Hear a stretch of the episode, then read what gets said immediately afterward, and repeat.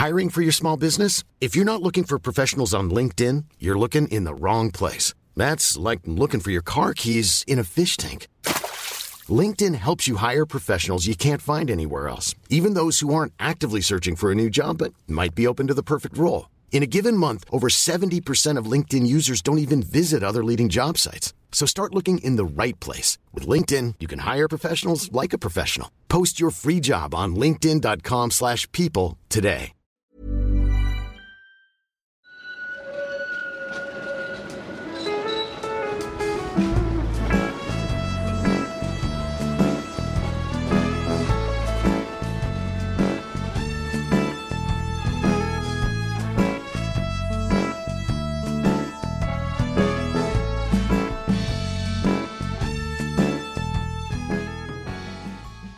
Hej och välkomna till Gator och torg i Göteborg. Jag heter Malin Fricke och är programledare i podden. Med mig har jag som vanligt Mattias Axelsson, Göteborgskännaren. Och gymnasieläraren och... Ja, ja, ja. Hej! Hej på dig Malin. Vi befinner oss på Kyrkbytorget idag, på biblioteket här. Jag kom precis från eh, second hand-butiken här intill. Jag hittade en jättefin vas, Ja. 100 kronor. Mm. Vi är alltså på Kyrkbytorget. Vad, hur skulle du beskriva det här torget om man tittar ut här från bibliotekets fönster? Det får mig att tänka på andra gamla torg i samma stil. Det här är väldigt avlångt och Ja. har en stor eh, typ av marknadsplats i mitten skulle man kunna säga. Ja, det är en stor av, öppen eh, yta mellan husen. Men vilka andra torg känner du att du vill jämföra det här Kyrkbytorget med? eh, Radiotorget, Ja, det finns ju eh, vissa likheter däremellan. lite äldre typ av torg. Liksom. Jag tänker Axel Dawsons torg är inte helt olikt heller Nej, det är lite utformning. mer kompakt. Mm. Det här känns lite mer rektangulärt. Mm. Med en stor öppen yta i mitten med gatsten. Ja, men vi lägger upp lite bilder på vårt Instagramkonto från Kyrkbytorget så får vi se vad folk gör för associationer, både gamla och nya bilder givetvis. Ganska levande torg med en del olika verksamheter också Mm. och restauranger. Och... Det finns en, en thai-restaurang som vi funderade på om vi skulle gå och sätta oss på, men så blev det inte. Det finns ett bibliotek, det finns en Coop är det väl som ligger där nere i hörnet. Kiosk och pizzeria. Och... Ja, pizzerian ligger väl i en liten bit från torget upp längs med vägen. Jag tänker att jag. det spretar ut lite Ja. åt olika håll. Men om vi skulle definiera själva kyrkbyn. Vi pratade om det på vägen hit när vi satt i, i bilen. Du är ju born and raised på hissingen men har egentligen ingen större relation till just kyrkbyn. Mm, Ja, pappa gifte sig där i Lundby gamla kyrka, Kyrka, som mm. är intill den äldsta delen av kyrkbyn. Mm, Som är jättefin. mm, Den är ju liksom lite gömd bakom de nyare delarna. Som, eh, men den gamla delen vetter ju ner mot Eriksberg nästan, Eriksbergs köpcentrum. Men vad du, skulle, du som då ändå är uppvuxen på Hisingen och i Göteborg, vad, vad, liksom, vad, vad tänker du är kyrkbyn för dig? Mm, vi sa nog aldrig kyrkbyn, vi sa bara Kyrkbytorget. Ja. De som bodde liksom eh, runt omkring där och då sa man ju Eketrä. Mm. Alltså det var hållplatsen. Ja, själva Eketrägatan går Ja. ju sen genom kyrkbyn. Ja. Den börjar ju där uppe vid hållplatsen och sen så går det ju längs med Mm. Kyrkbytorget i princip. Det är ju en del som ligger liksom åt andra hållet. Alltså vi som bodde i lägenhet, vi bodde liksom åt andra hållet på Eketrägatan så Mm. är ju Långströmsgatan och så Mm. upp och så kommer man upp mot Biskopsgården och så. Ja, alltså man, kan Den ju, man kan ju faktiskt räkna in även den delen i kyrkbyn om man tittar på kartor och så. Mhm. Vad som är, eller fastighetskartor, vilka fastighetsbeteckningar så är det exempel hela vägen upp till Jättestensskolan Mhm. så räknas det som kyrkbyn. Eh, Å Mm. andra sidan, det, är- det är ju fastighetsbeteckningar. Det finns ju jättestor del av Frölunda som räknas som järnbrott om man räknar bara fastighetsbeteckningar. Så jag tror inte att det är speciellt många som tänker att kyrkbyn går hela vägen upp. Långströmsgatan räknas Mm. väl knappast till kyrkbyn va? Nej, det skulle nog inte någon säga. Nej. Nej. Det måste vara äldre. Utan att man tänker sig att den här Soterusgatan är en gräns i väster och sen så är det gamla Lundby i öster och det här Volvo-området är också som ett gränsområde. Mm. Att det som ligger innanför där blir kyrkbyn.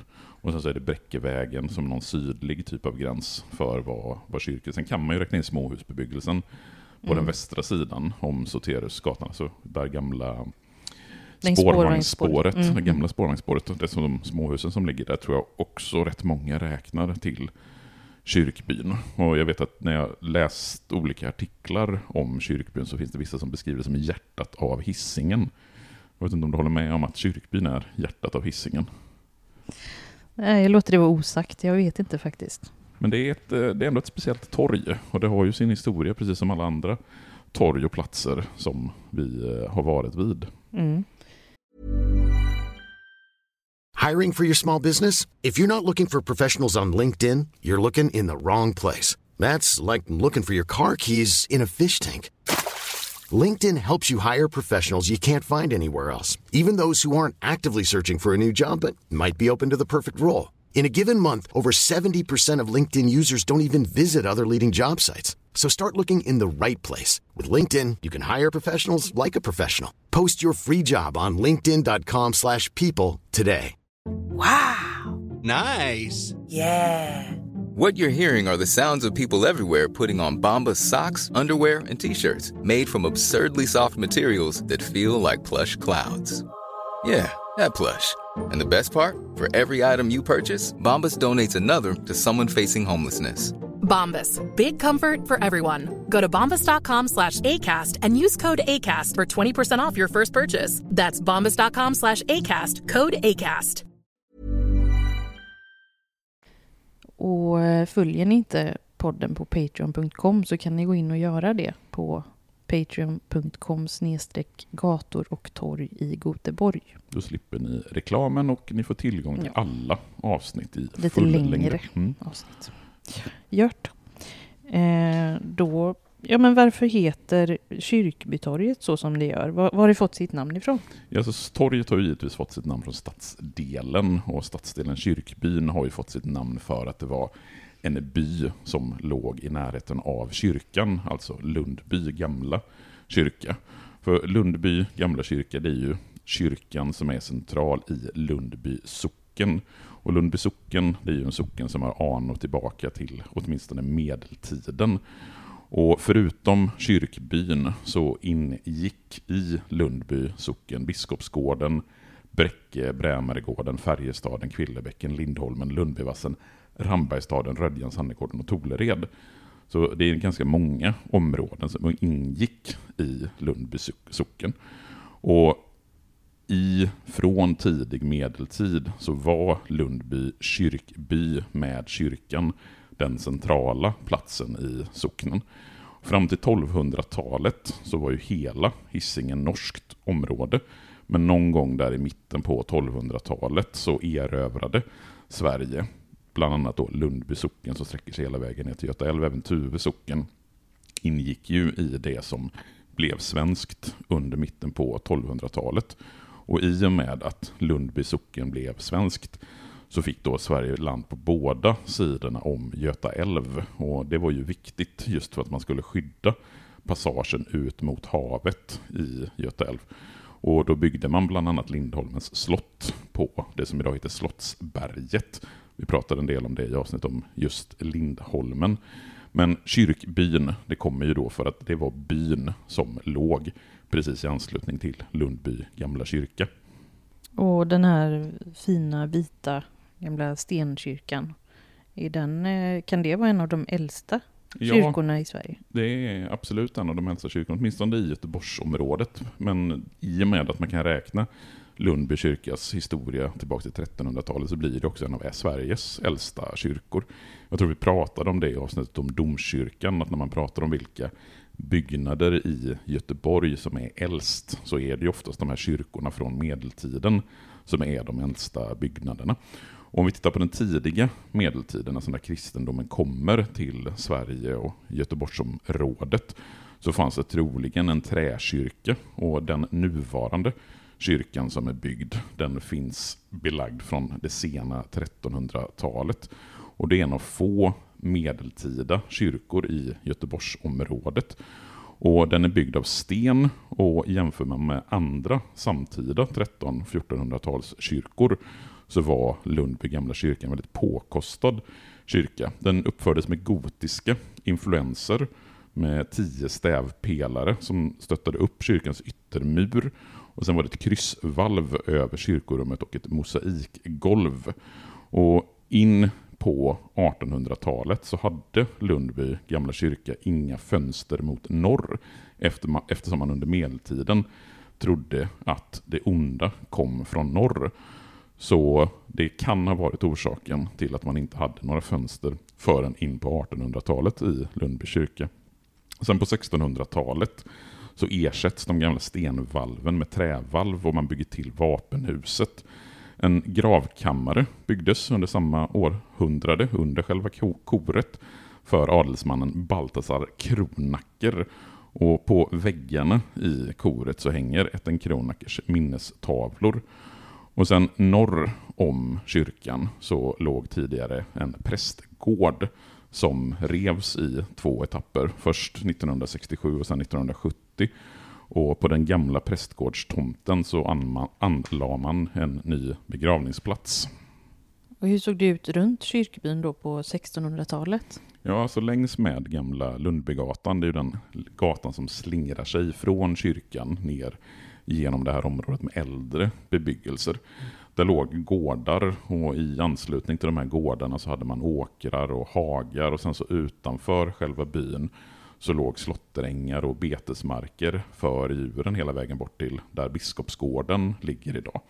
Och sen före 1658, det vill säga freden i Roskilde, så var ju både Lundby och Tuve socknar gränssocknar eftersom på andra sidan gränsen så låg Norge.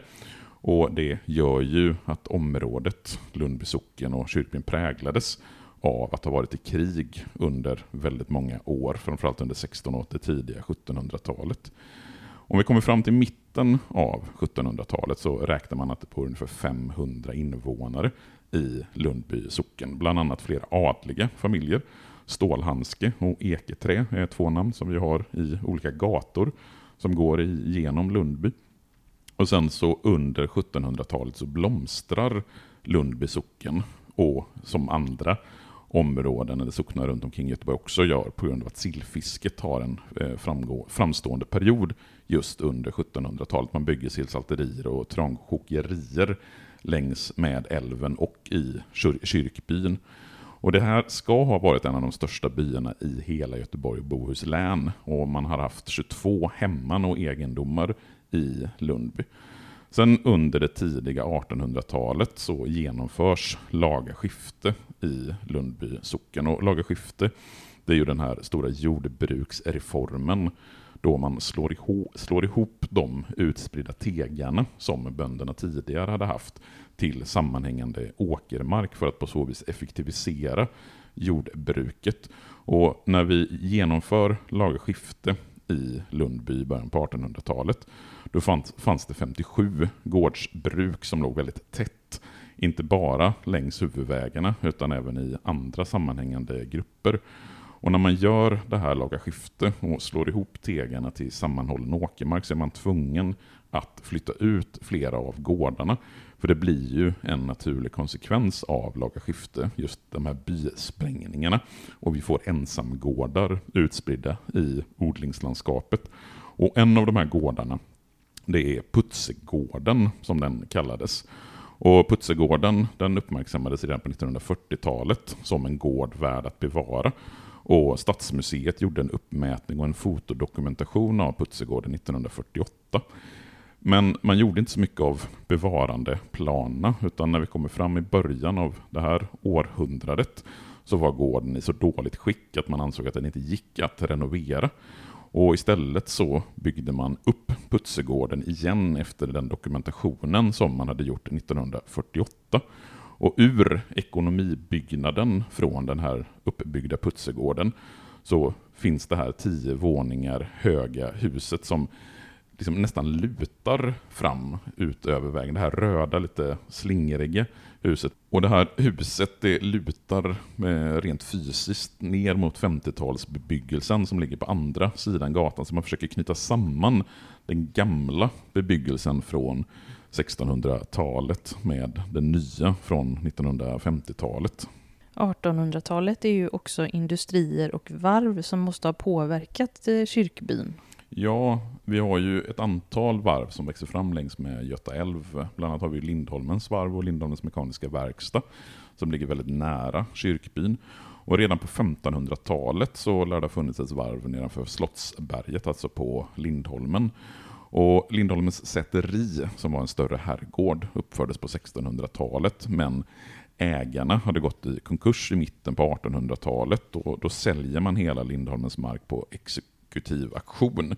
Och grosshandlare Theodor Wilhelm Tranchell och firman Mattsson och Braune köper upp hela egendomen och börjar bygga båtar och ett varv som då producerar fartyg med början med briggen Aurora som sjösätts 1848, ett tvåmastat segelfartyg.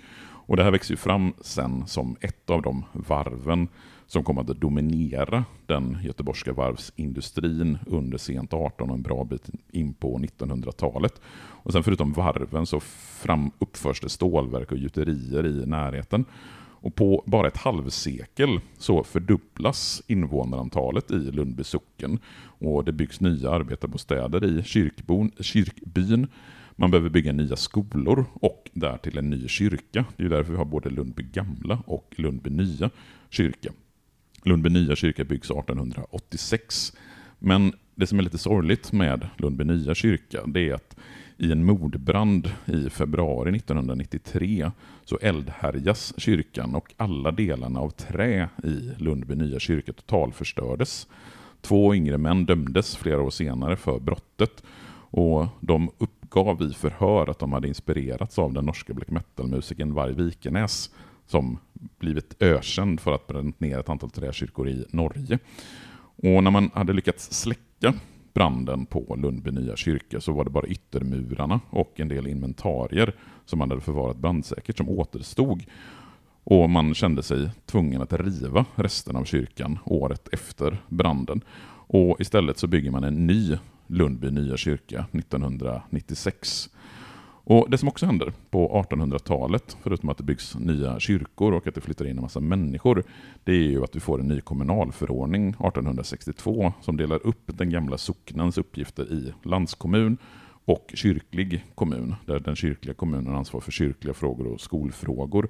Och därmed så bildas också Lundby landskommun. Och Lundby landskommun införlivas med Göteborg, blir en del av Göteborgs stad 1906, eftersom Göteborgs stad tyckte att de skulle riskera att konkurreras om det fanns en självständig industristad på andra sidan älven.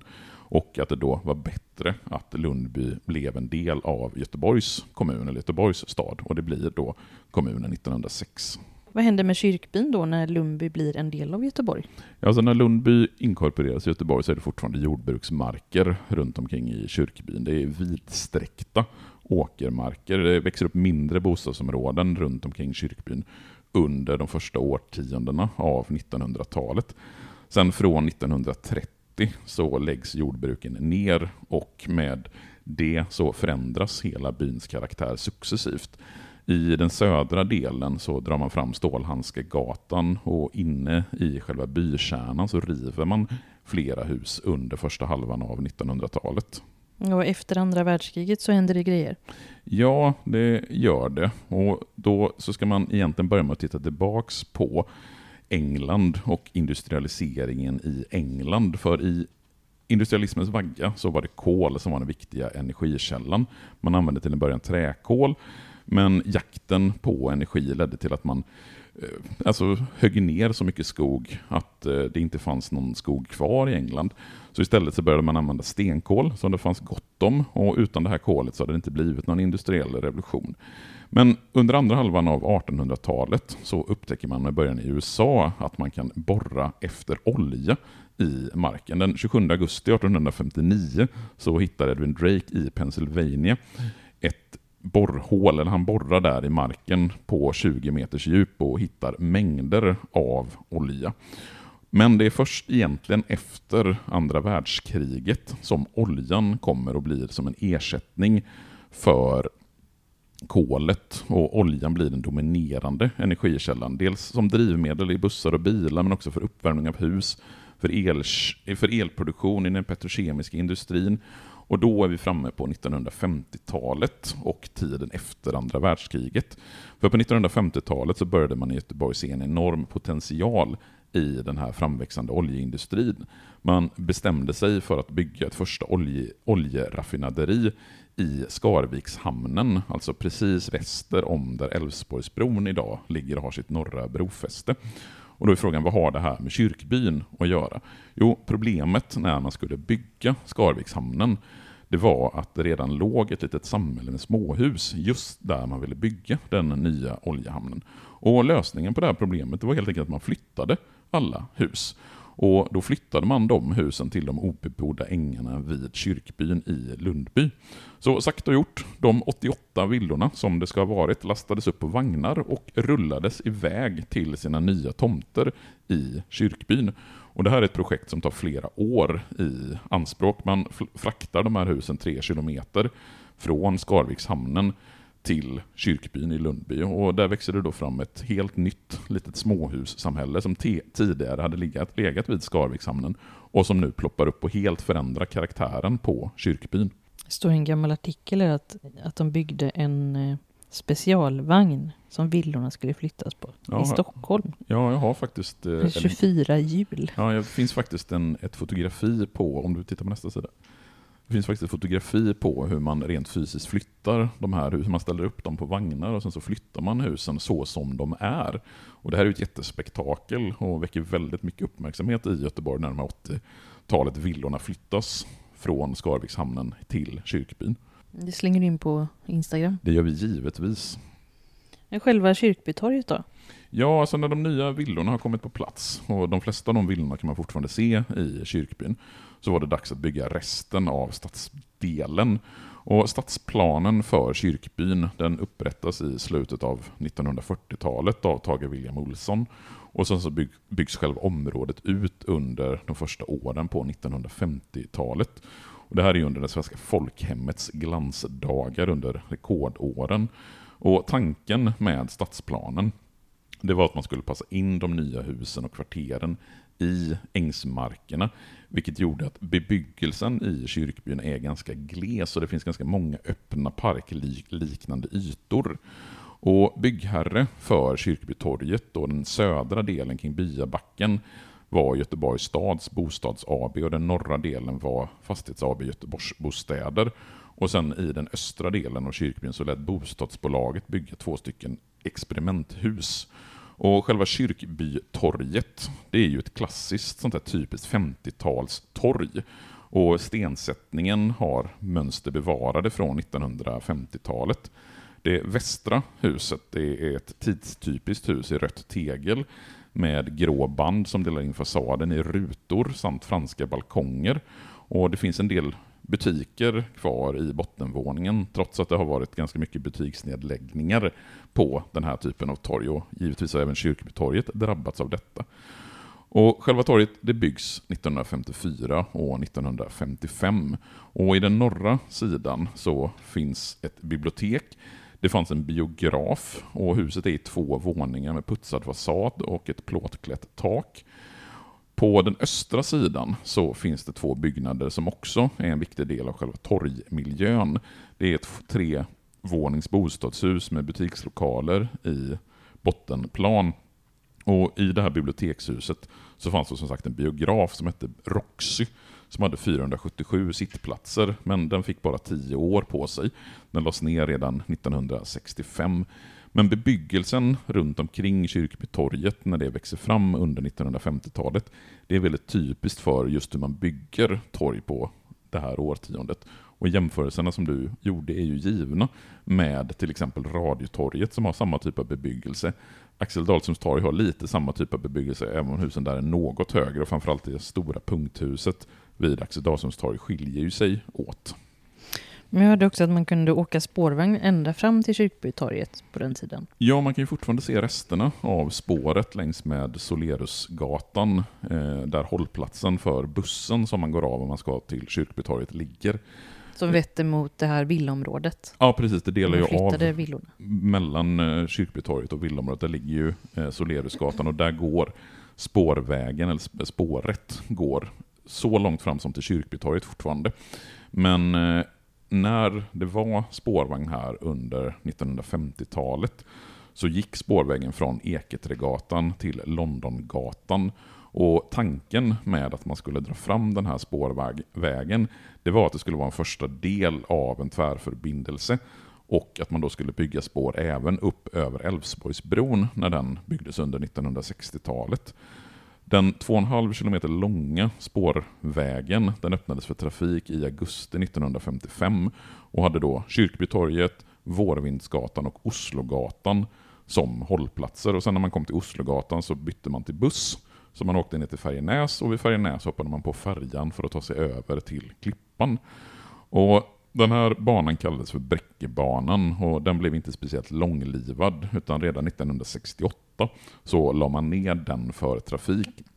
Och då var det ju för att man hade inte byggt någon spårväg på Älvsborgsbron enligt uppgift, mest beroende på att spårvägsdelen på bron då hade betraktats som lokal förbindelse utan rätt till statsbidrag. För bron, Älvsborgsbron, det är en, sta, det är en statlig motorväg. Och hade man då byggt spårvägar så hade det räknats som lokalförbindelse, kommunalt färdmedel, vilket inte hade gett rätt till statsbidrag, vilket resten av bron hade fått. Så det en, kan vara en förklaring till varför man inte byggde spårvägar på Älvsborgsbron, så som man gjorde på Göta älvbron när den invigdes 1939. Och precis under oss här på Kyrkbytorget så går ju Lundbytunneln. Ja, vi kom ju faktiskt åkandes genom Lundbytunneln när vi skulle ta oss hit till Kyrkbytorget. Och du har ju själv minnen från när den invigdes, alltså slutet på 1990-talet. Vad är det du minns från invigningen, eller från de första åren av Lundbytunnelns existens? Att det var en stor grej och man ville gärna åka Lundbytunneln och liksom, "Åh, det är den längsta tunneln.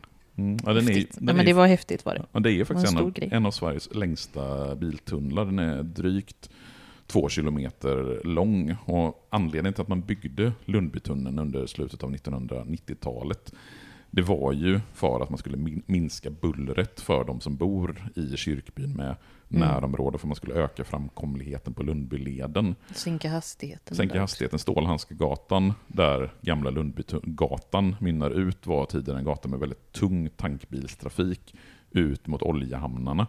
Och det har beskrivits som att här, den här delen var nästan som en trafikslum under andra halvan av 1900-talet.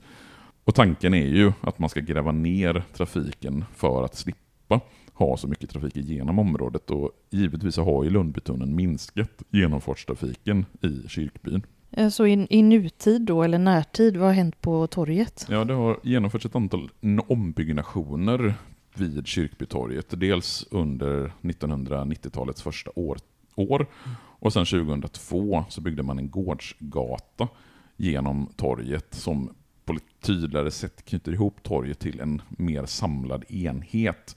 Alltså det, det, tanken var att trafiken inte skulle bli så snabb igenom på Eketrägatan, den delen som går förbi Kyrkotorget, utan att det, den delen där är en gårdsgata. Sen i de norra delarna så byggde man någonstans runt 2016 ett helt nytt hus och det är ju egentligen den enda nybyggnationen i egentligen hela det här kyrkbyområdet. Mycket av det som är byggt i kyrkbyn det är ju sånt som är byggt på 1950-talet. Men i och med att man bygger det här höghuset som står i den norra delen precis bakom biblioteket där vi sitter så får man ju ett högt hus på samma sätt som man har höga hus nu vid Radiotorget, Så man har det höga huset vid Axel Dahlströms torg. Och redan när man planerade torget på 1950-talet så fanns det faktiskt tomträtt för att bygga ett höghus. Men det var inte någon möjlighet som man utnyttjade då, utan det är först nu, vad blir det, 60 år senare som det blir ett höghus vid Kyrkbytorget. Och jag vill ändå faktiskt citera Marcus Berggren som Göteborgskomiker skrev i Göteborgs-Posten i en serie som de kallar Min del av Göteborg. Och där beskrev han Kyrkbytorget där han då har bott tidigare, att Kyrkby, Kyrkbytorget var en sömnig plats. Hälften av människorna försvann i pissotten till olika industrier, främst Volvo. Och resten hade hela dagen framför sig att dra runt i stora jackor med små hundar och spotta på allmän plats. Så alltså, Kyrkbytorget är ett väldigt typiskt sånt där 50-talstorg, ett ganska sömnigt torg. Och nu när vi besöker, har besökt torget här i vad blir det, slutet av februari, Så det är inte jättemycket liv och rörelse på Mm, jag torget. såg en, en rolig sak att de hade ett hundbageri. Ja, i mitten av februari förra året så öppnade man faktiskt Göteborgs första hundbageri vid Kyrkbytorget. Vi kanske ska ta och titta förbi, det inte, nu har inte vi hund förvisso, men vi kanske ska titta förbi där på vägen från inspelningen här nu. Se vad det är för någonting, jag kan lägga upp lite bilder på det också. Jag tycker torget hade passat som, en, eh, som ett marknadstorg i och med att det är en så stor avlång yta i mitten. Man har ju haft eh, olika typer av knallemarknader tidigare, nu var det nog ganska länge sedan man hade, men jag, precis som du säger, den här stora torgytan som är mellan husen gör ju det lämpligt just för att ha olika typer av aktiviteter Mm. på torget. Och det var ju, jag tänker att det var så man planerade, det var så man tänkte, det var så man ville ha det när man byggde de här torgen på 1950 och 1960-talen. De skulle vara allmänna platser möjliga att ha olika typer av verksamhet. Mm, att vara där. Liksom. Ja, men det tråkiga blir ju när det inte är någon verksamhet så blir ju torgen väldigt, väldigt öde. Sömniga. De blir sömniga. Men som vanligt så kan man definitivt rekommendera ett besök här på Kyrkbytorget för att om inte annat se den här väldigt klassiskt typiska 1950-talsarkitekturen och hur man planerade. Och ska man ta sig hit så ska man givetvis också promenera, för det är inte jättelångt till Lundby gamla kyrka från Kyrkbytorget och gå i de gamla delarna strax, vad blir det, nedanför kyrkan. För där har vi väldigt mycket fin gammal 1800-talsbebyggelse kvar. Jättefint. Ska vi vara nöjda med Kyrkbytorget Ja, så eh, hörs vi igen om en vecka. det gör vi. Hej då! Hej då.